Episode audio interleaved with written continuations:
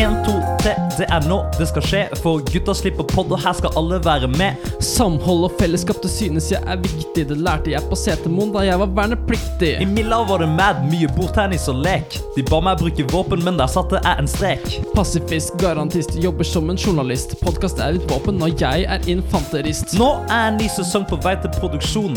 Vi holder det gående litt sånn som Olav Thon. Spenn, spenn, spenn, det er fett, men uviktig. Som amatøraktør må man tenke langsiktig. Bærekraft og solbærsaft er det som gir meg handlekraft. Handler kun om innsats og en kreativ tankekraft. Vi slipper oss løs, prater shit, kødder hardt. Vårsesongen er her, herfra skyter vi fart. Du hører på Typisk Indøk med Jakob og Håkon. Få det på, kjør da, kom so, og let's go! Dette er stemmen til Jakob Engebretsen anno 2021. Jeg er fortsatt 1,80 høy, jeg er fortsatt en leken guttevalp fra Kristiansand, og du hører fortsatt på Typisk Indøk. Denne lettbeinte studentpodkasten som retter søkelyset mot livet på industriell økonomi og teknologiledelse på NTNU. Hvem er studentene som går her? Hvilke historier kan de fortelle, og hvilke drømmer sitter de på? Disse spørsmålene sitter du og kverner på hvor mange dager i uka, Håkon? Sju.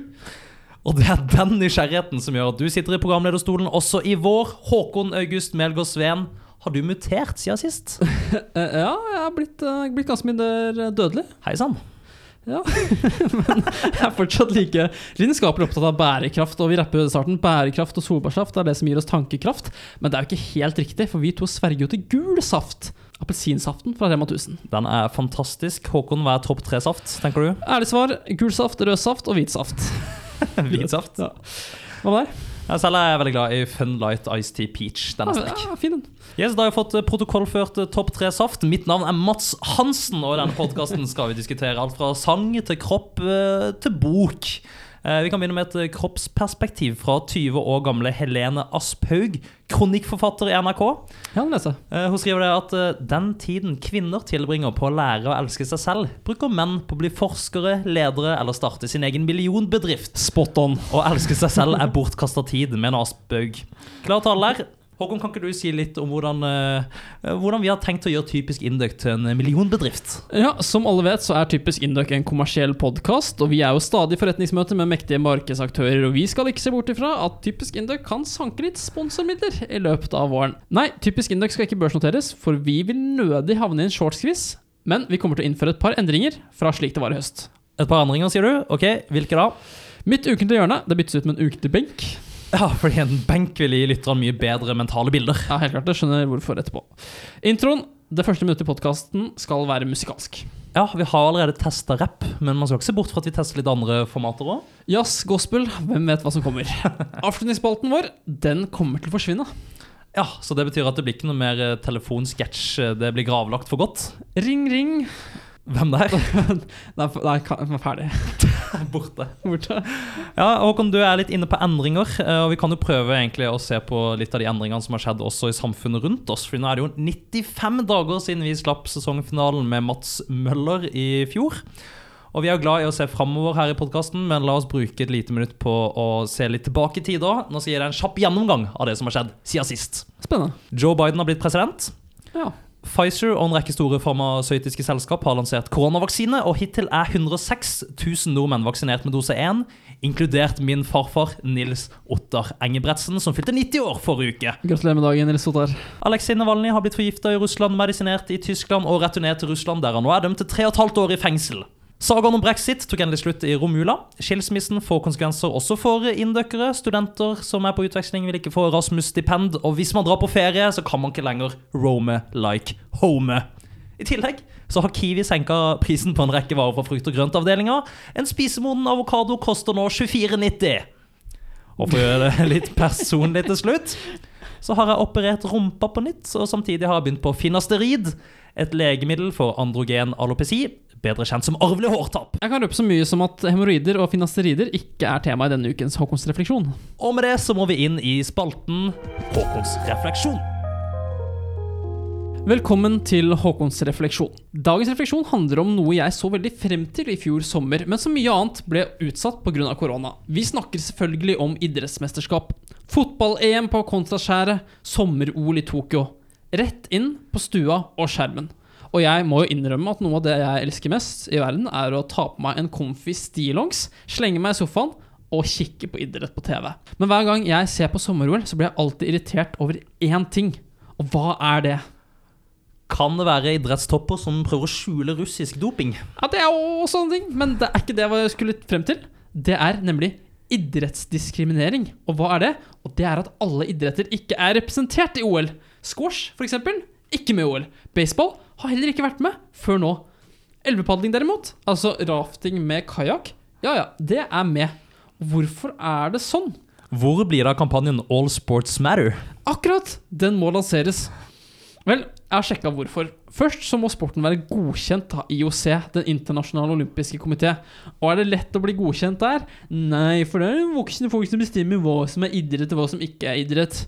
Og de da stemmer etter hvert over hvilke idretter som skal være med eller ikke. Til 2020, eller 2021, som det nå blir, kommer følgende idretter inn på programmet. Baseball, karate, klatring, skateboard og surfing. Tony Hawk! Det er på tide. Ingrid Alexandra, norgesmester i surfing. Ja, kanskje du kan vinne OL-gull sammen med eh, kong Harald også? Tenk det. Seilergutten. For en kongefamilie vi har. Åh, Ah, oi, oi, oi. Men baseball ble for øvrig fjerna i 2005 fordi noen i IOC ikke syntes det var en idrett. Men nå er det da tilbake igjen etter 15 år ute av programmet. Gratulerer til alle som er glad i baseball. Men min holdning er egentlig enkel. La nå alle fungerende sporter få være med i OL, da. La de bli med. Da kan det ikke være så vanskelig å få de inn i programmet. Få det på TV-en. Men min spådom for neste sport inn, det er kubb. Så den jeg gjort til dere, huset. Få kubb inn i OL. Det ville alle sett på. Det er veldig relaterbart. Og penger i kassa, da, for å snakke deres språk. Litt satire på slutten der. Takk for en nydelig refleksjon, Håkon, hvis du var i mål. Ja, ja. Deilig. Jeg sa at dette temaet fikk frem veldig sterke følelser hos deg, fordi vi er jo idrettsfans eh, begge to. Mm. Vi liker jo alle former for OL og E VM, EM, BDSM osv. osv. Men en annen ting du er fan av, er jo dikt, har jeg hørt. Kan du fortelle litt om det? Ja, vi er veldig fan, og vi lovte jo en premie i diktform til de som sendte inn den beste selfien av seg selv som lyttet til podkasten. Og det har jeg nå skrevet, og det skal fremføres. Har du musikk, Jakob? Yes, Kan sette på noe litt sånn pen pianomusikk. Vi kjører. Perfekt. Dette diktet går ut til Håkon Andreas Hyttedalen og Hanne Bridis. Kraftpar. Somme ting høyres ikke så bra ut på norsk. Eg snur puta og kikker på klokka. 05.21. Det er utgudsleg tidleg. Lyden av brøytebil ligger i rommet som en vegg av kvit støy. Eg veit at i ei anna heim lukter det pannekaker. 05.21. For noen starter dagen allerede her, med pannekaker og et smil, et kyss. Noen mennesker er lykkelige på denne tida av døgnet. Kraftpar. Det er det de er. Håkon Andreas Hyttedalen og Hanne Bridis. De står opp nå, spiser frokost, pannekaker. De skal trene. De er Indøks best trente. Kraftpar. Men somme ting høres ikke så bra ut på norsk. Power couple. Det klinger så mye bedre. Hele Indux Power Couple. Hun er i jobb nå, Hanne. Håkon Andreas, han skal i jobb etter å ha skrevet master. De er gift, de er vakre. De kommer til å få nydelige barn. Kraftbarn. Power babies. Det klinger så mye bedre. Det klinger av monetære verdier. De kommer til å få et så fint hus. De kommer til til å bli sett opp til. Slik et ekte power couple blir. Men når klokka er 05.21, den utgudslige tida, så er det fortsatt vår podkast de hører på. Tenk det, blant våre lyttere, hele Indeks kraftpar. Men somme ting høres jo bedre ut på engelsk. Power couple! For et nydelig dikt, eh, Håkon. Takk, takk. Dette er altså det som kan skje hvis man deltar i de konkurransene vi eh, sender ut på Instagram. Tenk det. absolutt, så det burde jo egentlig folk fortsette å gjøre. Helt enig. Og med disse verslinjene så kan vi jo introdusere dagens gjest, fordi vi får besøk av femteklassing Marte Bolstad. Her er det mange verv, mange glis og mange spørsmål å stille. Så da tror jeg bare det gjenstår å si at vi må få den dama inn i studio pronto! Da er gjesten vår inne i studio, og Jack, kan ikke du bare smelle i gang med introen din? da? Vi kjører intro. Svømmejenta Marte Kristines datter Bolstad stupte ut i livet den 23.2.1995 på fødestua hos Drammen sykehus. I fødselsattesten blir det notert både høyde, vekt og klokkeslett, og nederst på dokumentet kan man lese jordmors betraktninger om det nyfødte barnet. Den lille jenta framstår både smart, livsglad og analytisk sterk. Men alt dette overskygges av de enorme svømmeføttene, for denne lille havfruen er som skapt for å ta OL-gull i svømming, skriver jordmor. Og det var nettopp drømmen om OL-gull som gjorde at Marte trente både syv og åtte ganger i uka gjennom oppveksten. Vi er svømmere, derfor må vi svømme. Svømming er en livsstil og ikke en hobby. Det er det vi gjør, liksom. Forklarer 15 år gamle Marte til Lierposten i 2011. Men årenes løp tærte på svømmegleden, og på videregående bytta hun ut butterfly og badehette til fordel for fysikk 2 og festing. Hun var bussjef på Whateverland i 2014, og begynte på ingeniørstudiet året etter. I valgets kval mellom linjene på NTNU bestemte Marte seg for å begynne på maskin. Smørekoppen i mitt hjerte har hun tatovert over venstre lunge.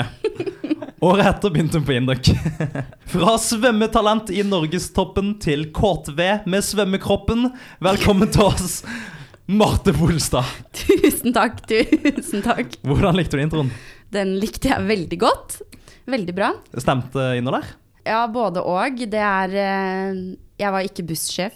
Jeg var kun deltaker Ok. på denne bussen. Ja, men Hva med litt sånn uformelle bussjef? Tok du en sånn rolle? Ikke så mye. Jeg, som du sa, så svømte jeg veldig mye. Så jeg hadde egentlig ikke så mye tid til å ta noe særlig ansvar. Nei. Så jeg bare deltok helt frem til jeg sluttet dagen før russetiden begynte. Og da var jeg en verdig deltaker av den russebussen. Ah, livets russetid høres det ut som. Ja, det var bra. Hvorfor slutta du på svømming? Ehm, jeg sluttet på svømming fordi eh, ja, Nå høres det ut som jeg sluttet fordi jeg skulle være russ, da. Men jeg sluttet jo fordi jeg hadde ikke hatt så mye fremgang i det siste. Og så var det andre ting jeg også hadde lyst til å drive med. Ja. Så da tenkte jeg det var vanskelig å kombinere å satse på idrett og studere. Så da sluttet jeg på svømming. Stagnert utvikling og andre interesser, det funker det? Og jeg har ikke tatt fysikk 2. Jeg lå an til å få ikke vurdert i fysikk 1. Er det sant? I påsken i andre klasse så fikk jeg brev i posten hvor det sto det ligger an til å få ikke vurdert i fysikk igjen, for jeg hadde tatt så få prøver. Og han læreren min ville ikke, han ville ikke lage ekstra prøver, for det syntes han var forskjellsbehandling, og det syntes han ikke folk fortjente, da. Så da måtte jeg ta med meg mammaen min ned på skolen og si kan du være så snill å fortelle at jeg ikke kan ta de prøvene fordi jeg satser på svømming? Så da fikk jeg lov til å ta én prøve om astrologi, eller astronomi, det som Astrologi, ja. ikke handler om stjernetegn. Når er stjernetegnet vern? ja. Så da klinker det til med en sekser i fysikk etter Ja. en strålende prøve i astrologi. Stemmer. Men det er klart når tigermamma puller opp på skolen der og gir en streng beskjed til fysikklærer, da hører han. Ja. Man må jo tilrettelegge litt for eh, toppidrettsutøvere på skolen. Helt enig. Eh, du, Vi har fått et lytterspørsmål om hvordan det går med konkurranseinstinktet. Etter du la opp, og dette spørsmålet er sendt inn fra Alumni og tidligere leder av hovedstyret, Siri Ultveit Moe. Å, jøsse navn. Hun kjenner jeg jo godt, for vi gikk i samme klasse på videregående. Ok. Og satt ved siden av hverandre i alle timer. Jeg hadde aldri kommet meg gjennom videregående hvis ikke det var for Siri. Hun hadde styr på alt, og jeg hadde ikke styr på noe. Men eh, Var hun sterkere i fysikk enn det du var? ja, 100 Hun var knallflink. Hun er så rå! Ja, hun er helt rå. Men eh, nei, det er ikke lagt på hylla, konkurranseinstinktet. Det lever i beste velgående. Ja, eh, I hvilke kontekster er det det uttrykker seg, dette konkurranseinstinktet? Ehm, egentlig de fleste, og jeg har tenkt at jeg bør prøve å skjerpe meg litt, fordi jeg har fått tilbakemeldinger på at det kan være litt ubehagelig. For eksempel, vi, det er- her blir jo litt snikskryt da, men jeg var på um, tur til Lofoten med PwC, PwC Challenge, Hei og da skulle man oppføre seg veldig bra for å bli sett på som en god kandidat i fremtidig jobb og sånn. Nettopp. Så hadde vi sånn 71 grader nord-opplegg, og vi skulle sykle langs veiene i Lofoten og sånn. Så syklet jeg med en som var ganske treig på å sykle. Og så vi lå an til å tape hele greia, og Å, nei. jeg ble så irritert. Og det her var en som jobbet i PwC, fordi alle måtte ha med seg en ledsager. Og hun var så treig! Så jeg sendte de styggeste blikk og lå på hjulet og var sånn Kom igjen, kom igjen! Så jeg fikk tilbakemeldinger etterpå at jeg må øve litt på samhold og ikke bare konkurranse. Ja, fordi Du så på dette her som et slags jobbintervju, Jeg skulle og så vinne. kom du på lag med en som sykler altså så treigt! ja. Ja, da tenker du at nå skal du, eh, nå skal du få litt ekstra vatt i de pedalene der. Sende Stemmer. henne noen motiverende tilrop og ble ikke så godt tatt imot, nei. Ble det jobbtilbud, eller? Eh, Det ble jobbtilbud etter hvert. Ja. OK. Jeg kjenner at jeg har veldig lyst til å se deg på 'Mesternes mester'. Det er liksom få til på et vis, hvis det kunne gått an. Jeg skal gå videre til et nytt spørsmål eh, fra meg, og det lurer jeg selv fælt på. Det er hva er det KTV står for? Em, ja, jeg er ganske sikker på at det står for eh, klassetillitsvalgt. Ja, Men eh, jeg har også hørt noen som sier kulltillitsvalgt. Nei. Det er Nei? klasse- Det er Ok. da klassetillitsvalgt. Bra. KTV. Jeg er ganske sikker på det. hva betyr det for deg å få en slik tillitserklæring fra klassen? Og det betyr ganske mye. Første året var i tredje klasse, så da var det ikke så mange andre som var hjemme. Og Martine Svagaard var veldig lei av å være KTV, så hun ga den til meg Ja. istedenfor. Men- Litt av tillitserklæring. ja. Men nå er det jo kjempegøy. Det er jo, vi får veldig mye gode tilbakemeldinger på de tingene vi gjør. Og Kristine og jeg, eh, jeg føler mest vi, vi leker og syns det er moro, liksom. Så ja, det tar det med største alvor å være klassens tillitsvalgte. Ja, så bra. Hvordan ser eh, tillitsvalgtapparatet ut? Det er noe som heter ITV, det har vi snakka om eh, tidligere. Hvor er liksom deres plass i dette hierarkiet? Det er helt nederst, Ok. men det er også nærmest de som trenger det. Ja. Så jeg syns det er bra. Trives der. Lite ansvar, mye gøy. Du jobber tett på dine klassekamerater. Tett på gutta på gulvet. Helt rått. Fantastisk, Marte. Og du har alltid vært KTV-en i mitt hjerte. da. Åh. Velkommen hit skal du være. Det er en glede å ha deg her. Det er ikke så ofte at eh, vi ser hverandre, egentlig, så det er om å gjøre å få gjort det så mye som mulig ut av neste timen. Hva føler du akkurat nå? Eh, nei, nå føler jeg at jeg har name-droppet mange mennesker.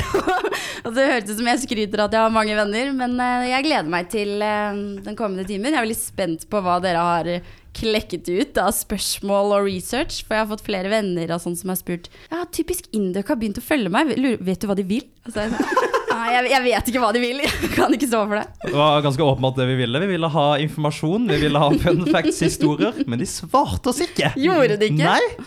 Nei, det, er, eh, det kan jeg ta på min kappe. Ja, jeg er enig. Men eh, deilig. Det er jo akkurat den følelsen man burde ta med seg.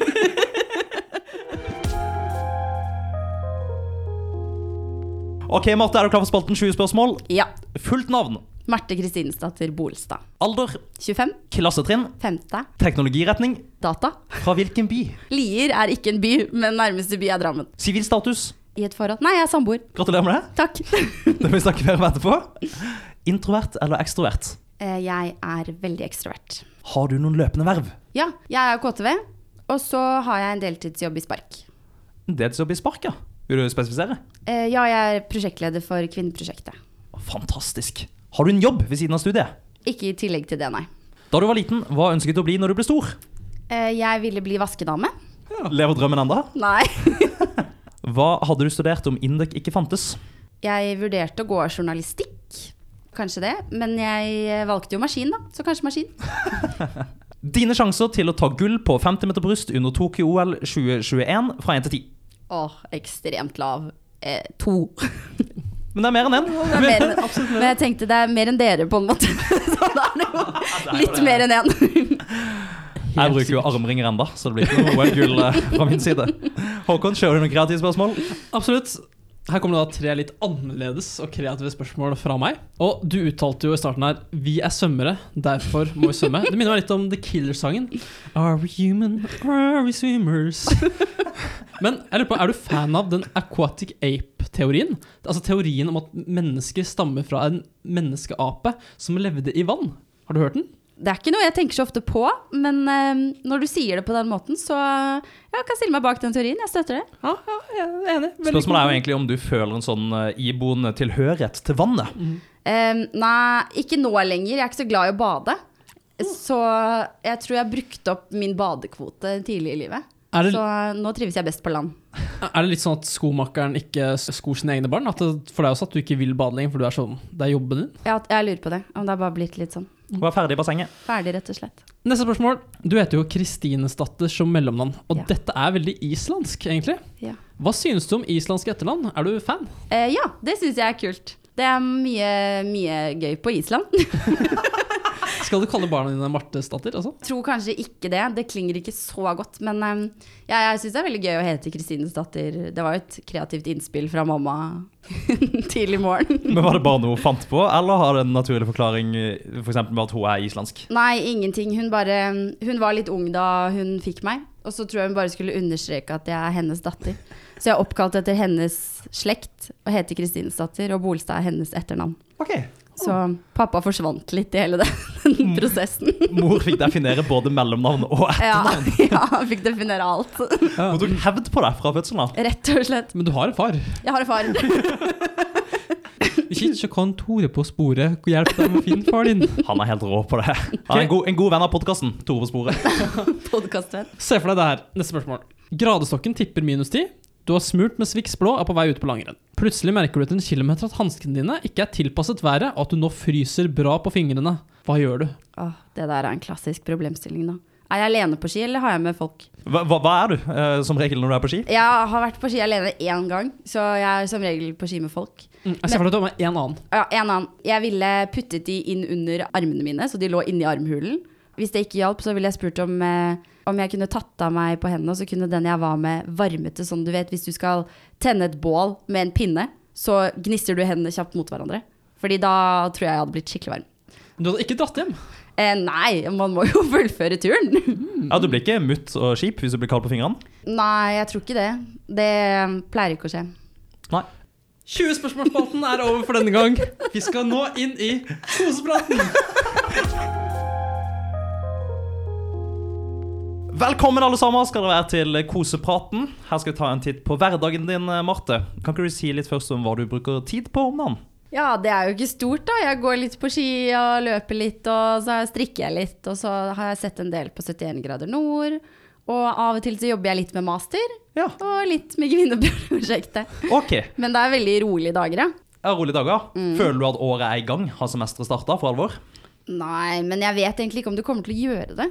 Jeg føler alle har veldig mye tid i femte klasse siste halvåret. Er det det diggeste året på Indøk? Det er 100 det diggeste året på Indøk. Hva skriver du master i egentlig? igjen? Jeg skriver i strategi strategisk endringsledelse. Ok, Vi kan snakke litt om masteroppgaven eh, først. da. Eh, Nå har du sagt hva du skriver om, Mm. men kan du være litt mer spesifikk? Kan du gi oss eh, kanskje problemstillinga eller konteksten for problemstillinga, sånn at alle våre lyttere skjønner hva du skriver om? Ja, det kan jeg gjøre hvis dere er interessert i det. Jeg skriver om em, standardisering og tilpasning når man utvikler komplekse informasjonssystemer. Og settingen er på et sykehus. Så f.eks. når man skal føre journaler, så skal denne journalen kunne deles mellom alle avdelinger på sykehuset, og alle skal kunne ha tilgang. Og alle skal kunne, eller de som skal kunne endre, skal få lov til å endre og sånn. Men det er veldig mye nasjonale og regionale standarder, og noen lokale tilpasninger. Og så er det helt random hva som er gjort når. Dette høres ganske tech ut, egentlig. Ja, det er litt, det er litt tech, men vi syns jo det er gøy, da. Hvis jeg skulle valgt igjen, hadde jeg gått optimering. Ja, ikke, ikke si det. det. Det kjenner du ikke fra innsida, Marte. Du hører Det bare... kjenner jeg ikke fra innsida. Men eh, meg og Håkon eh, vi er jo ganske godt kjent med det norske helsevesenet. Og vi er begge enige om at det fins et forbedringspotensial i den logistikken her og informasjonsflyten. Særlig mellom sykehus. Ja. Absolutt. Og regioner. Jeg sliter veldig med at å forholde seg til Trondheim er liksom noe helt annet forhold til Oslo. Og når Ja. de skal liksom kommunisere, Det så går ikke. blir det s- problemer, altså. Kommunikasjonen går via fax. Mm. Det er helt sjukt! Hvor er mailen, liksom? Det er Burde ikke være trygt. enklere. Da håper vi at din masteroppgave kan eh, forbedre flyten. Ja, det håper jeg òg. Hvordan ser en masterdag ut, Marte? Det kommer veldig an på hvilken måned det er, men nå om dagen så skal vi møtes fra ni til tre. Så pleier vi å ha en time litt eh, småprat og sånn, og så jobber vi litt, eh, gjør litt research, eh, lager litt forskningsguide, bla, bla, bla. Og så avslutter vi ganske tidlig, sånn for å fortsette å få litt dagslys og sånn, da. Nettopp. Så det er, hygge står i fokus på masterdagene våre. Hvor jobber dere? Er det hjemmekontoret, eller sitter dere på skolen? Eh, Det varierer litt, eh, men nå har vi sittet på skolen i det siste på grupperom på Elbygget. Ok. Og hvem er det du skriver med? Jeg skriver med Kristine og Ingrid. er en Kristine liten trio Maurud. her, Ja, Og Ingrid Volden Smagen. Ingrid Vansmjagen. Hva er deres roller? Når man er tre, da ser jeg for meg at man kan eh, spesialisere seg litt. Ja, Få litt ansvarsområder og sånt. eh, vi prøver jo det, da, å utfylle hverandre litt, fordi vi er jo ikke Vi har ikke helt like egenskaper. Jeg er kanskje den som er mest utålmodig. Vil, eh, vil videre. Mens eh, både Ingrid og Kristine er veldig flinke til å gjøre ting nøye og ordentlig, og nei, vi er ikke ferdig her, vi må ta en runde til, og sånn. Det høres ut som dere har hatt EIT. Der blir man veldig bevisst på akkurat de, de tingene der. Stemmer. Du, la oss grave litt i et av de vervene du har nevnt, eh, Kvinneprosjektet. Ja. Hva er Kvinneprosjektet? Kvinneprosjektet er et eh, initiativ som er startet av Spark for å få flere kvinner til å satse på en karriere innenfor entreprenørskap. Fordi de oppdaget at det er veldig få jenter eh, i Norge og på NTNU som, som velger det. Da. Så da jobber vi med å få spredd ordet og ja, gi kvinnene de verktøyene de trenger for å utforske ideene sine. Er dette det samme som kvinneprosjektet Ada? Nei, det er jenteprosjektet Ada. Og det handler om å få jenter til å ta en teknologiutdannelse. Så de henvender seg mye mot jenter som skal begynne med å un- å studere, og de som er i studieløpet, sånn at de faktisk skal fullføre, da. Så Arda får de inn på NTNU, og så skal du få de inn i I gründerverden. gründerlivsstilen. Nettopp. Ja. Hva har dere fått eh, hit, da? Vi har undersøkt litt, og vi har funnet ut at det kvinnene mangler for å velge entreprenørskap, er et nettverk og er rollemodeller. Og det er ikke så lett å gjøre så mye med rollemodeller fra vår posisjon, men vi kan jo på en måte vise jentene hvilke som fins, da, hva- hvem som har lykkes, og det er masse, masse flinke, kule jenter som har lykkes med entreprenørskap. Kjenner dere til Snowroller? Det er en ES-oppstart som lager eh, eh, skidresser, heldresser. Ok, Som er startet av eh, noen jenter som Og det går kjempebra, de er veldig flinke. kult. Og Passer det til afterski? Det passer til afterski, ja. Det passer til å stå i bakken, men det er kanskje ja, det er mest afterski, minst bakke. men det er jo det folk vil ha om dagen, vil jeg tro. Det er her man bruker en skidress, det er oftest, er det ikke? Jeg tror det. Gå på fest. Ja, ja, ja. Så ES gjør en skikkelig god jobb, og ja. Det er det vi jobber med. Men hva er, eh, når du jobber, utnytter du liksom spark og nettverket som finnes på Fram? Eh, Ja, vi sitter på Fram når vi jobber på oppredningen, og det er veldig bra. Det er eh, ja, veldig bra sted å være, og det er veldig kult å få lov til å bli kjent med et annet miljø. Som, ja, utover Induk og Kjelhuset, da. Og så få være litt på oppredningen og jobbe med de som har lært mye om entreprenørskap, og hvordan man tester ideer, hvordan du skal validere de, hvordan du skal ta patent på de. Og Mm. jeg føler meg skikkelig heldig som får lov til å bli kjent med den typen folk, da. Jeg tror det, er, det må være et av de mest inspirerende stedene å være på Gløshaugen. Dette Framhuset. Ja. Med så mange unge spirer som drømmer og har visjoner og sånt. Ja, det er veldig gøy. Jeg har ikke noe særlig forhold til gründerskap selv, men har du noen gründerdrøm, eh, Marte? Nei, det som er litt komisk er at jeg har jo egentlig ikke det, eller ikke, ikke enda i hvert fall. Men em, vi fikk noen tips fra Isabelle Ringnes, som også er en kjent kvinnelig gründer, om at man trenger ikke å starte med entreprenørskap rett etter studiene når man har lite erfaring, lite penger, lite av alt. At det- det går an å skaffe seg litt erfaring og se hvor man har mulighet til å gjøre en forskjell, da. Du, eh, la oss prate litt om ditt sosiale liv om dagen. Det er jo 2021, og det er fortsatt en eh, spesiell tid. Så meg og Håkon lurer på, hvem har du i din kohort? I min kohort. jeg bor jo med Herman, da, så han er i min kohort. Hvem er Herman? Herman er kjæresten min, Ok. eller nå samboeren min. Vi har nemlig fått et lytterspørsmål, kanskje vi bare skal ta det med en gang. Hvordan får man til et vellykka samboerskap? Kom fra Kristine Maurud, masterpartner. Hun trenger, hun trenger akutt råd. Akutt råd! Jeg vil si at man må være rause med hverandre. Man har jo aldri bodd sammen før man gjør det. Og nå har Herman og jeg bodd sammen i et halvt år. Og det har vært skikkelig gøy, og det er kult å bli kjent med hverandre hver dag hele dagen. I Ja. hvert fall nå som det er korona, så man er jo mye hjemme og sånn også. Men eh, nei, mm, vær rause og snille, og man har forskjellige egenskaper, så man setter pris på hverandre som man er. Åh, nettopp. Spille hverandre gode. og gi Spiller hverandre det gode. Hvor lenge har du vært sammen med Herman? Eh, Vi ble sammen for fire år siden. Og det vi også har fått et lytterspørsmål om, er hvordan man går fra å være gamle venner til å plutselig bli sammen. Hva er hemmeligheten? Nei, hemmeligheten er vel eh, Man har jo alltid en venn man har et litt godt øye til, på en måte. Jeg har ikke det lenger, men jeg hadde det. Så er det bare å vente på riktig timing. Forsiktig hva du sier mot det i øyeblikket nå. ja. Nei, det var vel Det er timingen, da. Det passet. Noe annet som passer, er jo kanskje um, matchen mellom induk og medisin. Er det den perfekte match, der du som induker kan ta ansvar for privatøkonomien og legge en langsiktig strategi for, for parforholdet, mens uh, Herman da kan uh, være smitteansvarlig og kanskje følge opp helsa di? Ja, Vi er ikke helt enige om fordelingen hjemme på det der ennå, for foreløpig tar Herman stort ansvar for privatøkonomien. Er det sant? Ja, og smittevernet. Så han tar mye ansvar hjemme, mens jeg egentlig bare Ja, Hva bidrar du med? eh, Godt humør og energi og sånn. S- Stemningsansvarlig. Stemningsansvarlig, hyggeansvarlig. Akkurat, akkurat som nå på russebussen i 2014. ja. Eh, Du hender det at eh, dine venner og familie utnytter det at eh, Herman kan medisin. ja, det hender hver, hele tiden. Han er litt sånn privatdoktor, eller? Ja, og det er ganske morsomt, fordi han, nå har han gått eh, to og et halvt år på medisin. Eh, man er på en måte ikke ferdig utlært, eh, men alle behandler han som om han kan alt. At han er en ferdig lege, liksom. Bretter ut masse historier jeg aldri har hørt før. Sånn, nei, jeg har jo operert hjertet. Så, jeg sånn, Hæ? I min familie Å og sånn. ja. Ja. Du, Jeg tror vi sier at det var det for kosepraten. Nå skal vi inn i den nye spalten. Den nye ukentlige spalten Håkons innbytterbank. Velkommen til Håkons innbytterbenk, den ukentlige faste spalten hvor vi snakker om hvordan det er å komme inn som innbytter fra benken og inn på fotballbanen som er Induck. Dette pleide tidligere å være et fast hjørne, men nå har vi da endra navnet til benk, som vi nevnte, og vi syns det klinger litt bedre. Marte, hvor mye tar du i benk? I benk? Å, jeg kan ikke huske sist jeg løftet noe i benk, men jeg mener å huske at jeg i hvert fall løftet 40 kilo eller noe. Er det vanlig, eller er det lite, eller? Nei, 40 er bra. Jeg Er det sier 40, over 40 kilo på jenter er, eh, det er godt. Det er, da er du sterk. Ok, Dette er en svømmer med kraft i brystkassa. Mm. ikke nå lenger da. Jeg har selv, jeg har selv ikke maksa benk siden jeg var 16 år. Maksing det er en uting, sa alltid min mor. Så jeg gjorde ikke det. for Det var ikke bra for en voksende kropp. Hvordan var det å bytte inn på Induc? Følte du deg velkommen? Gikk det silkefritt? Jeg byttet jo inn eh, i andre klasse, og hvis jeg skal være helt ærlig, så la jeg ikke så mye innsats i å bli kjent med Induc første halvåret. Og jeg tror hvis jeg hadde gjort det, så hadde det vært eh, null problem, fordi jeg kjenner bare dere som åpne og hyggelige og veldig interessert. Å, tusen takk. Å, vær så Gi deg, god. gi deg Marte. Stop it.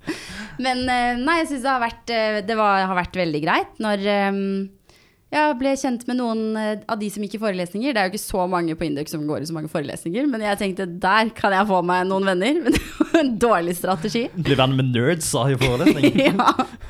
Så jeg måtte endre litt da, men jeg følte jeg fikk meg ordentlig gode venner i året. Ja.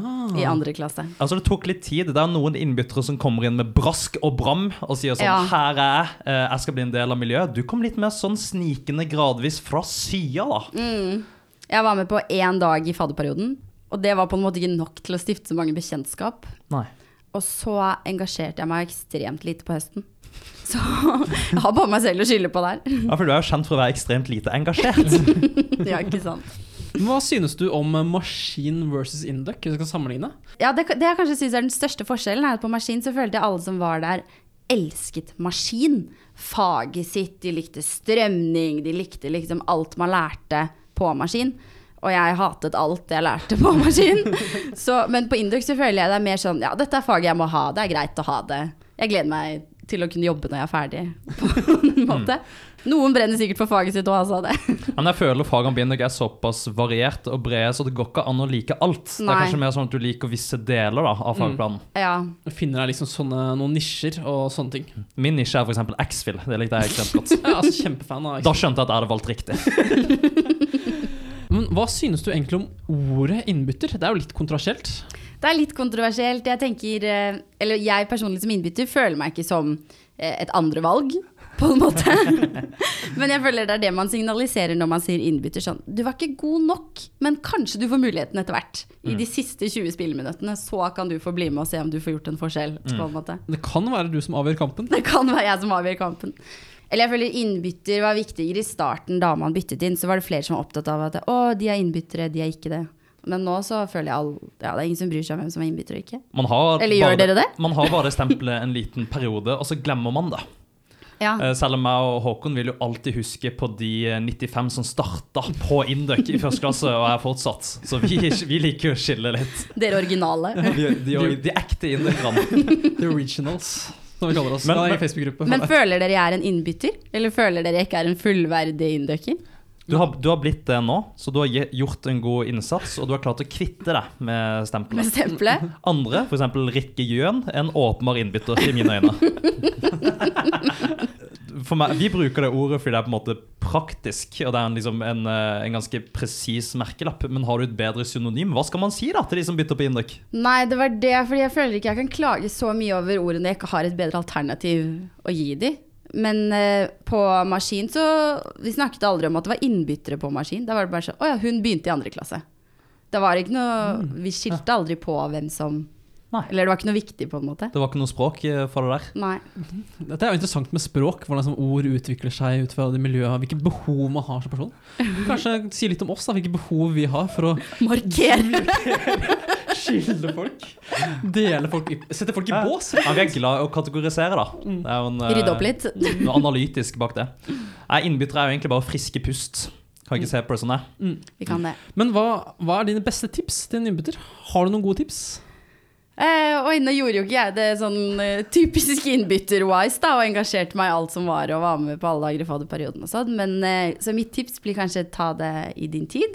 Det er masse bra folk på Induc. Eh, bli kjent med de når det passer deg best. Jeg syns man skal gi det en sjanse. Du har de som bytter til Induc egentlig kun for å ta fagene, men så tar de vare på liksom hele sitt gamle miljø Ja. og ikke gir Induc en sjanse. Men det var nok det jeg gjorde.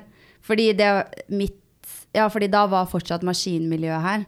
Så da var jeg mest interessert i å henge med de, for det var vennene mine fra før. Og Og da tenkte jeg jeg trenger ikke enda flere venner. Men eh, jeg tok feil. Du trengte, du trengte meg og Håkon. Jeg trengte dere to. Og det står jo fortsatt smørekoppen i mitt hjerte I mitt hjerte. over venstre lunge. Så det vil jo alltid være en del av Det det. er en ekte tatovering. Det er en ekte tatovering, ja. Men Den er ikke på meg, men den er på en ekte maskinstudent. Er det sant? Mm. Den fins? Mm. Jeg lurer på om han heter Robert, og han spilte i bandet til Smørkoppen. Ah, Mhm. Og det var det beste han visste. Ja, Mm. det Det var var trommis i Smørkoppen. smørkoppen. Stemmer. Olle. Mm. Skal vi snike inn et lyttespørsmål, eller? Vi har fått et litt spørsmål som vi tar i um, innbytterbenken. Sjøl, Håkon. Ja, kjør, kjør da meg. Lærte du å bygge en motor på maskin? Og ville du sagt ja til å være motoransvarlig i et gokart-prosjekt? Oi, veldig spennende spørsmål. Jeg har bygget Jeg vet ikke om det var en motor. Eller om, jo, det var en Stirling-motor har jeg bygget på maskin. Min favoritt. Ja, har, ikke det, har dere gjort det alt? dere går jo ikke maskin. Vi kan, vi kan lite om motor. Jeg tenkte det var noe Raheem Sterling-motor. Eh, nei, men da bygget vi en motor. Mm, ja, jeg, jeg, jeg hadde syntes det var litt spennende å være motoransvarlig. Det er jo veldig mye å lære der. I Motor syns jeg egentlig er bitte litt gøy. Sånn- synes du det? Eller spennende hvordan det fungerer. Jeg tror du er vår første eh, maskinstudent. Eh, Det vil si det første som har maskin som eh, teknologiretning. Vi hadde Vibeke Skjelvold på besøk fra Marin, og hun kunne ikke lære oss prinsippene bak en eh, motor. Nei, det kan ikke jeg lære dere heller, og jeg går jo data nå. Å ja. Så jeg Ok. byttet.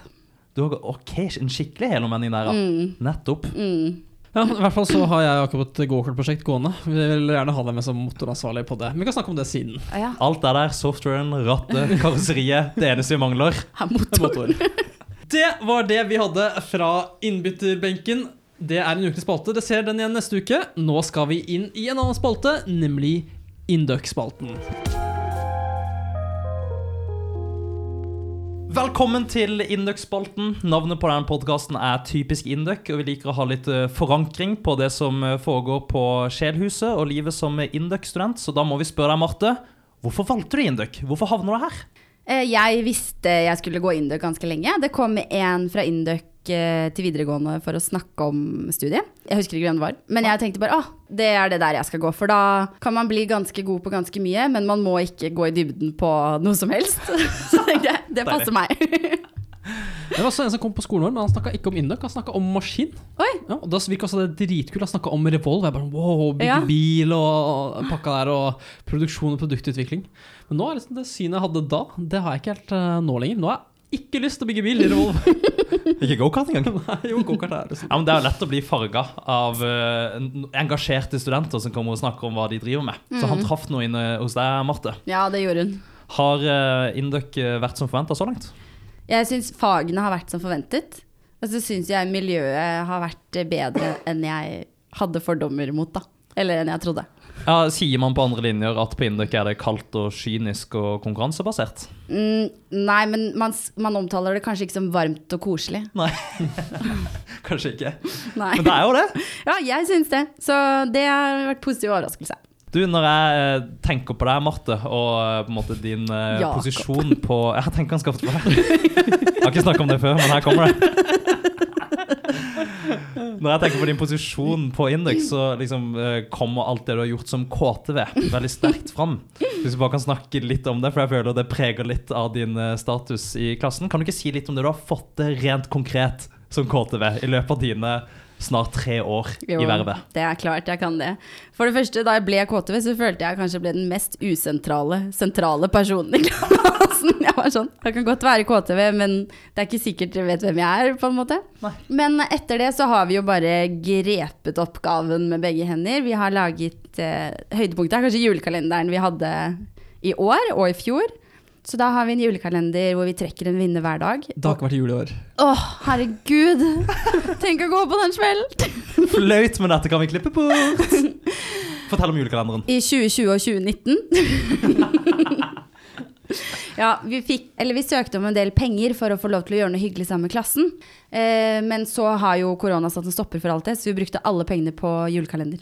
Det var jo litt av noen premier dere lodda ut. Kan du ta noen eksempler på hva dere ga? Vi hadde f.eks.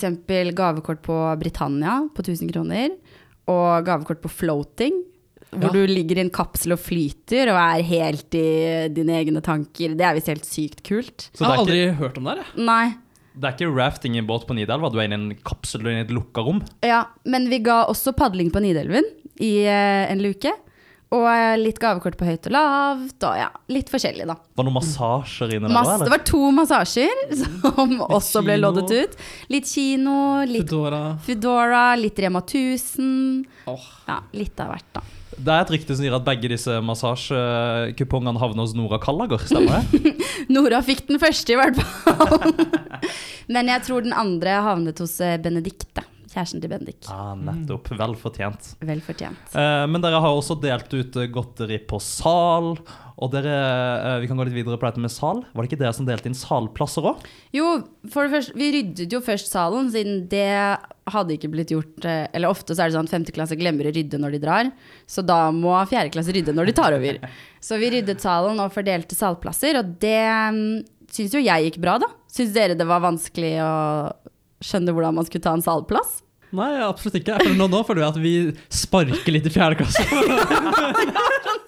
Jeg vet ikke hvorfor jeg skal snakke om salplasser uten at de blir lei Det er, det er et litt ømt tema, kanskje vi ikke skal snakke så mye om det? seg. Fordi vi er jo av den oppfatning at det å dele inn salplasser er et utrolig lett optimeringsproblem. Ja.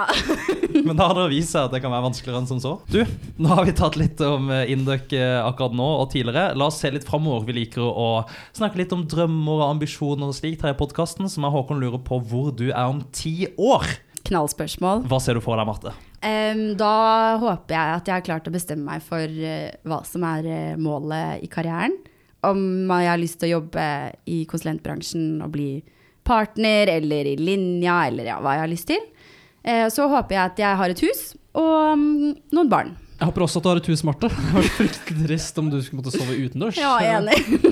Da hadde meg og Håkon vært her for deg. Og tatt deg inn i studio og kunne sove her på Tyholt. Ah, ta, takk. Tyholtårnet er alltid åpent for deg. Men du, du skal altså inn i konsulentlivet. Ja. Og um, du har jo en mor som sagt som heter Kristine.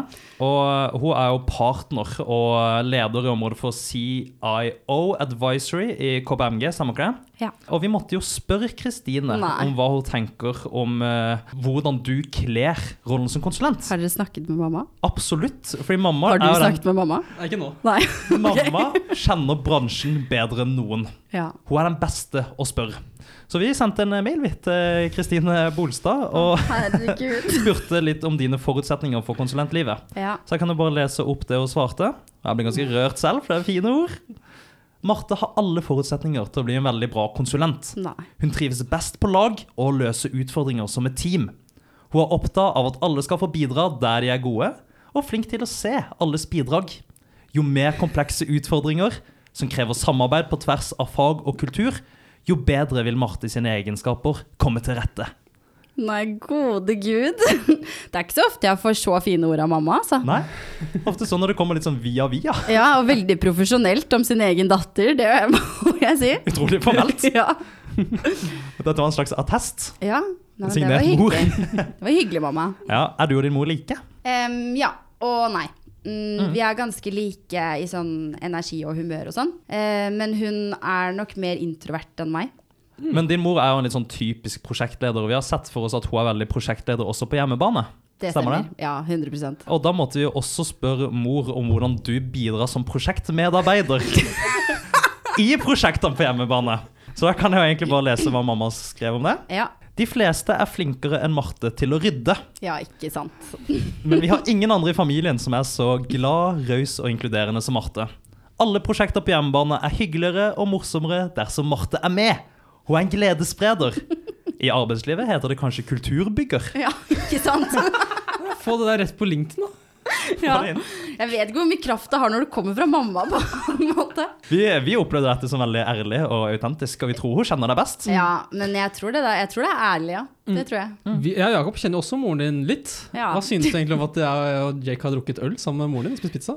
Det syns jeg er veldig hyggelig, men jeg skjønte at hun har satt deg litt ut av spill. Jeg har satt meg veldig ut av spill. Det gjorde hun. Skal jeg, jeg kan ta den historien? Vi tar den. Vi, vi er på bedpress med KPMG i andre klasse. Og så hadde jeg Jeg visste veldig lite om KPMG da. Det var en periode jeg var sånn ny, bedrift var spennende for meg. Jeg vet ikke, visste ikke hva folk eh, drev med. Og jeg spurte da henne, fordi jeg hadde sett at i Elverum så hadde de også KPMG-skilt. Så jeg spurte bare rett ut ja, at jeg har sett det er et KPMG-kontor i Elverum. Sånn, hva, hva driver de med? Og Og jeg ble rett og slett bare litt roset tilbake om mine ambisjoner. Hadde jeg tenkt å bli værende i Elverum? Hva var det jeg tenkte? Du måtte komme deg til Oslo, gutt! Og da spurte hun rett ut Å, er du en sånn som vil bo hjemme hos mammaen din? Ja. Det er en legendereplikk. Du, eh, det var litt om eh, jobb. Eh, Vi tar bare kjapt om eh, by. Eh, Er det i Oslo du skal ende opp, eh, Marte? Eh, Jeg skal bli i Trondheim nå et par år til, fordi Herman har mange år igjen på medisin. Og jeg var lite interessert i et avstandsforhold på tre år. Så jeg skal begynne i PwC her i Trondheim. Eh, Men så skal jeg jo hjemover, da, på sikt. Eh, Oslo, eller ja, et sted mellom Oslo og Drammen, tenker jeg. Vi kommer til en Asker, Værum. Lier, kanskje. Vi har jo sett av eh, Håkon André Syttedalen og Hanne Bridis at det, det at én blir igjen for å jobbe et år eller to, det går helt fint. De er Det går gift helt- i dag. Lykkelig gift. Lykkelig gift, ja. Det får være målet. Dra hjem, sier du, etter hvert. Hjem som i Oslo, eller hjem som i Drammen slash Lier? Fordi vi har fått et spørsmål fra søster til Håkon Andreas Hyttedalen, nemlig Anne Merete Hyttedalen. Oi. Vil Marte noen gang flytte tilbake til Drammen? Så hyggelig! Ja, jeg ser for meg det å bo eh, i det området. Men eh, kanskje Lier? Hva er Lier for oss som ikke er fra Lier? Det er eh, et stort område like utenfor Drammen som ikke har bystatus fordi det ikke er en by. Det er mye åker, mye gård, mye plass.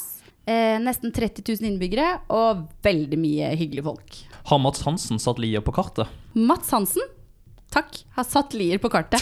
Jeg kjenner egentlig Lier best fra eplemosten de lager. Jeg. Ja, det stemmer òg. Egge. Mm. Og det er mye kål og salat fra Lier. Og mye jordbær. Altså, Lier har mye bra å by på. Skal ikke kimse av Lier. No. Men eh, vi tar et siste spørsmål her i eh, spalten. Og det er rett og slett et veldig stort og pompøst et. Å nei. Hva er din største drøm, Marte? Oi, oi, oi. Min største drøm Ok, Det første som detter ned i hodet mitt, er å gå Machu Picchu, men det er en litt liten drøm, så jeg må tenke litt større. Større fjell? Himalaya? Himalaya, kanskje. Det blir litt voldsomt, liksom. K2 og Mount Everest og sånn. Ja, døden er nær. Mm, Men hva med Besseggen?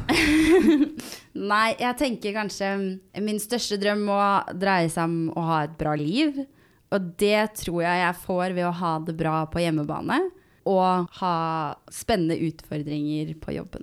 Vi tror eh, som Aristoteles at du er lykkeligst når du får eh, leve i kontakt med din natur og får ut ditt potensial, Marte. Og vi syns at du er på god vei dit den dag i dag. Jeg Har Aristoteles sagt det? er ikke helt sikker. Jeg, jeg var aldri noen fan av X-Fill. Marte, hva er typisk induk for deg? Det har jo endret seg litt fra da jeg begynte på Induc til nå. Nå mener jeg typisk Induc er eh, masse engasjerte mennesker som har lyst til å være sammen og gjøre gøye ting. Jeg føler det er litt sånn nerds som er glad i å leke. Skjønner du hva jeg mener? Du beskriver meg, Håkon. To stykker lekne nerds. Vil du si at du er typisk indok? Det er litt morsomt spørsmål, fordi jeg snakket med Katrine om det, som dere hadde her i starten. Katrine Sju. Ja, og hun var sånn, jeg føler ikke jeg er typisk indøk, og jeg var sånn, jeg føler heller ikke jeg er typisk indøk, og nå har begge to vært her, så mm, kanskje vi er det. Vi inviterer jo på en måte fremtredende indøkere som har litt å fortelle, og som har satt litt spor i indøk-miljøet. Men det syns jo er litt typisk indøk, og du sa det jo selv. Studenter med litt tak i engasjement. Mm. Så det er jo litt typisk indøk kanskje å, å engasjere seg i, i diverse saker og ting, da. Ja, I våre øyne så er du typisk indøk, Marte. hold opp. Og det var Indøk-spalten for denne gang. Nå skal vi inn i lytterspørsmålsspalten. Velkommen til spalten som tar for seg alt mellom himmel og jord. Fra svømmeføtter til påskenøtter, via geografi og glutenallergi. Her samler vi opp spørsmål vi får inn via Instagram. Og vi bare kjører på med første spørsmål, som kommer fra Henning, kompisen til Håkon hjemmefra. Han spør hva tenker Marte om eh, Martin Ødegaards overgang til Arsenal? Du har fått med deg dette? Jeg har fått med meg dette. Eh, nei, han er vel bare på utlandet i et halvt år. Eh, men eh, jeg syns det er kult, jeg. Ja. Eller mitt inntrykk er at det er flere nordmenn som engasjerer seg i engelsk fotball enn spansk. Det blir vel mer oppmerksomhet, da. Gøy. Det er gøy å se han på TV. Ah, det er alltid gøy å se 15 år gamle Martin Ødegaard leke som en ball på skjermen. Vi holder oss litt i fotballverdenen til neste spørsmål. Det kommer fra Andreas Brynildsen, og da vet du sikkert hva det dreier seg om allerede nå. Ja. Indekskongen. Indekskongen. Hun, han spør Hun spør Sorry, Andreas. Han spør hvordan går det på Fantasy, og legger ved sitat Marte har levert bra de ukene hun er aktiv, men jeg mistenker at hun ikke har fått ut sitt fulle potensial ennå. Ja, han er jo min eh, rådgiver når det kommer til mitt fantasy-lag, som jeg satte opp eh, tolv uker etter alle andre. Så Havna litt i bakleksa ut fra start. jeg ligger på en eh, sisteplass av alle, så målet mitt er å ta igjen han på nest sisteplass. Ja, 500 poeng opp. 500 poeng opp. Det kan gå, eh, hvis jeg gjør noen lure bytter, da. Jeg har noen utfordringer. For det første så vet jeg ikke når rundene begynner. Så jeg vet ikke når jeg må bytte lag. Og jeg vet ikke hvordan jeg får poeng. Nei. Noen utfordringer har Noe, jeg. så jeg mm, må steppe opp gamet litt der. Men du har et veldig gøy lagnavn. Here comes the sun. Et sterkt ordspill her. Mm. Hvilken strategi eh, brukte du når du valgte spillere?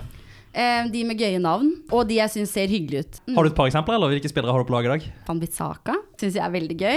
Han skårte mål i går. Det blir poeng. Det fikk jeg ikke. Såpass har du fått med. Og så hadde jeg Fosumensa, men han har jeg bytta ut. Og så hadde jeg Loftus Cheek. Ja, det er litt sånne corny navn, Ja, da. du kan få dobbeltnavn i bindestrek. Ja, kanskje? de syns jeg er litt morsomt. Hvordan kom du inn i fantasy-verden? Jeg eh, bodde med en venninne som var veldig interessert i fotball. Og kjærestene våre var også interessert i fotball, så jeg pugget eh, tre fotballag. Alle navnene. Og så eh, lagde vi en liga. Og så da bare valgte jeg de med gøye navn. Og så gikk det ganske bra. Og nå så spiste jeg litt lunsj med disse fantasy-gutta, som jeg kaller de. Det er jo helt rått. Du er den eneste jenta i vår eh, femteklasseliga. Ja, jeg vet ikke egentlig om dere liker det, at jeg får være med. Jo, jo, jo. Ja. Vi elsker det. Ok, bra. Og vi har jo planer om et sosialt event eh, på slutten av sesongen. Og da er det jo fett om du blir med oss 30 karene på litt eh, guttastemning og Det guttaprat. gleder jeg meg til. En slags galla. Ja. Apropos galla, vi har hatt et spørsmål fra Nora Gallaker. Den er meget sterk. Hva spør Nora Gallagher om? Hun har faktisk sendt inn et sett med spørsmål. Oi. Så mange gode spørsmål at vi vurderer å ansette henne som assistent i redaksjonen. her. ja, det ville jeg gjort. Første spørsmål er topp tre matvarer du kunne levd på resten av livet. rundstykker, gulost og egg. Ja, Det er- høres jo faktisk også ut som noe noen kunne levd på resten av livet. Ja, Skal du få deg å spise det sammen, eller hver for seg? hver for seg. Møle litt gulost og ja. spise litt egg og møle litt rundstykker. Hvilken gulost er den beste? Norvegia. Norvega. Oi. Hva syns dere? Vanlig Norvegia. Ja. Ikke fyldig. Nei. Vellagra er vel det beste, egentlig. fra Norvega. Bellagrett? Mm, Nei, Vellagrett. Norvegia vellagrett. Og Den min, franske. ja. min favoritt er Jarlsberg, uten tvil. Jarlsberg for meg. For mye hull. Og for mye smak? Det smaker liksom ost, og det skal ikke ost gjøre. Nei, Norvegia er så mild og god i smaken. Men er du fan av blåmugg, eh, manchego, Ja, eh, brie men da skal osten smake. Vi kan gå videre for spørsmålet fra Nora. Hun spør om Marte har en bucketlist for siste halvår i Trondheim. Og da trenger hun ikke å nevne å gå Machu Picchu. Nei, ikke sant. Jeg har én ting, fordi i hver mai så arrangeres det Munkholmen Rally, hvor man svømmer til Munkholmen fra eh, Brattera. Og det har jeg veldig lyst til å være med på. Ja. Men det spørs om det skjer nå, da, når det er sånn korona og sånn. Ja, For det smitter jo veldig lett i havet. i havet. Men det, hvis ikke så er det på bucketlisten min. Og tid er det det skal bli arrangert, i så fall. Det pleier å være i begynnelsen av mai, så jeg må få lånt meg en våtdrakt hvis noen har noen. Det er mange svømmeentusiaster som hører på podkasten. Kanskje noen eh, når ut en hånd, Jeg håper eller det. en fot. En svømmefot. I, til- I tillegg så har vi ganske nær kontakt med Norsk havforskningsinstitutt, så kanskje de kan eh, gi oss eh, et eller annet.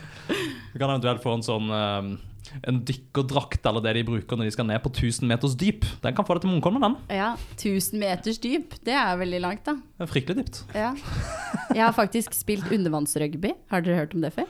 Jeg har hørt om det, men jeg har aldri spilt eh, det. Hva- er- Det er ikke vannpolo. Nei, for da har du målene på bunnen av bassenget på pirbadet, og så eh, spiller du med en ball som synker. Så du må på en måte støte ballen som om det var kulestøt fremover, og så synker den. Så du må alltid være i nærheten av ballen, da. Men da er man mer under vann enn over vann. Ja.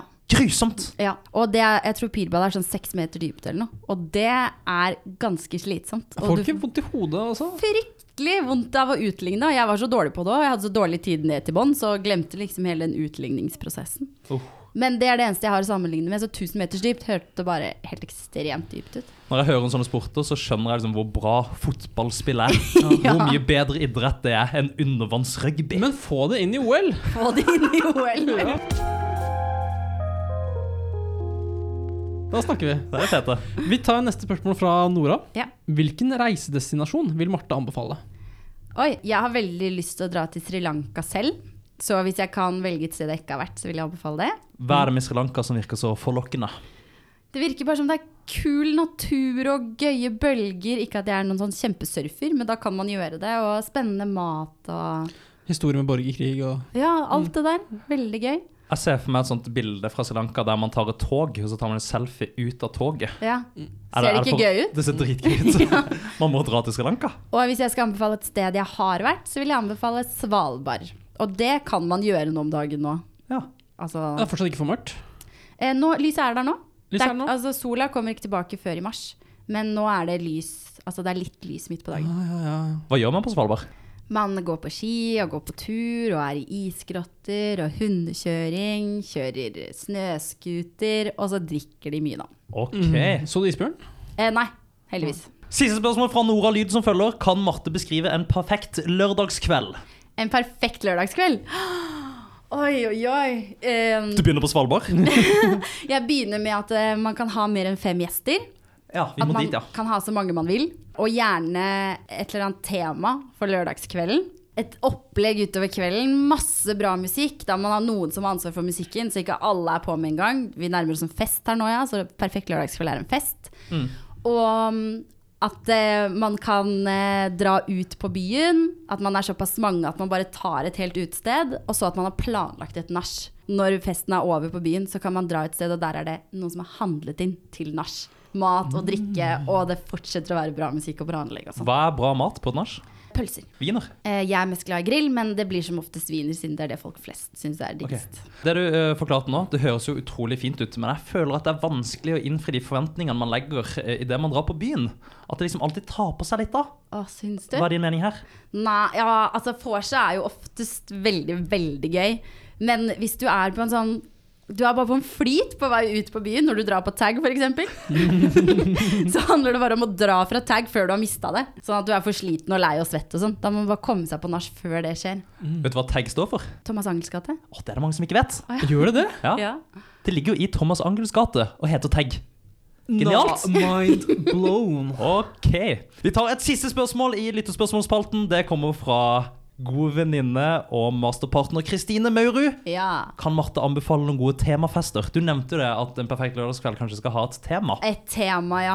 Det er veldig mange som har sterke meninger imot temafester, men jeg syns det er så gøy. Og den gøyeste temafesten jeg, festen jeg har arrangert, er en pitbullfest, som var ekstremt gøy. Da var det pitbull i alle rom. Vi hadde photoshoppet pitbull inn i sånn masse kjente bilder. Dere kan se for dere det bildet med sånn Trump og Putin som tar hverandre i hendene. Bare at det er ikke Putin, det er pitbull.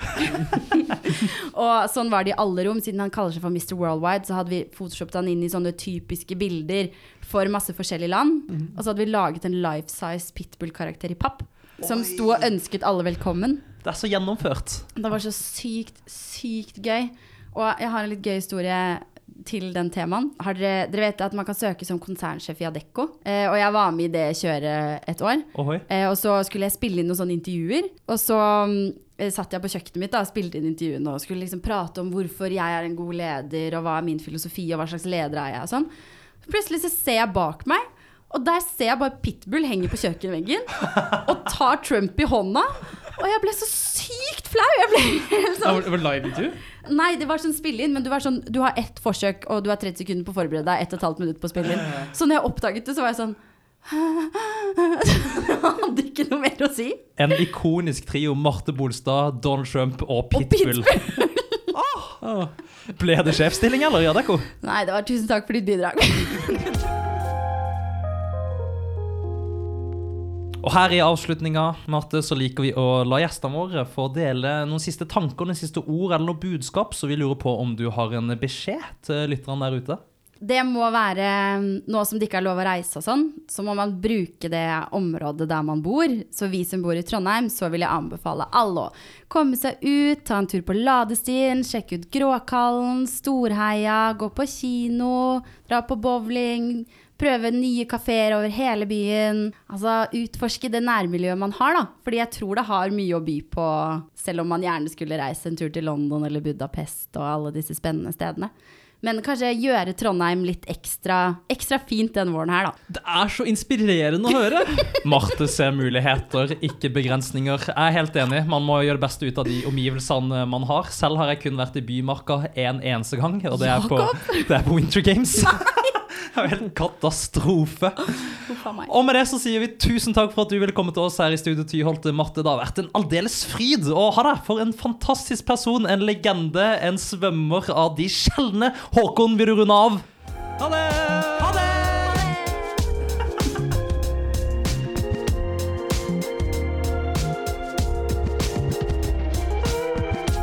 det! Når dere gjorde introen, så ble jeg sånn ho-ho! da- Nå skal jeg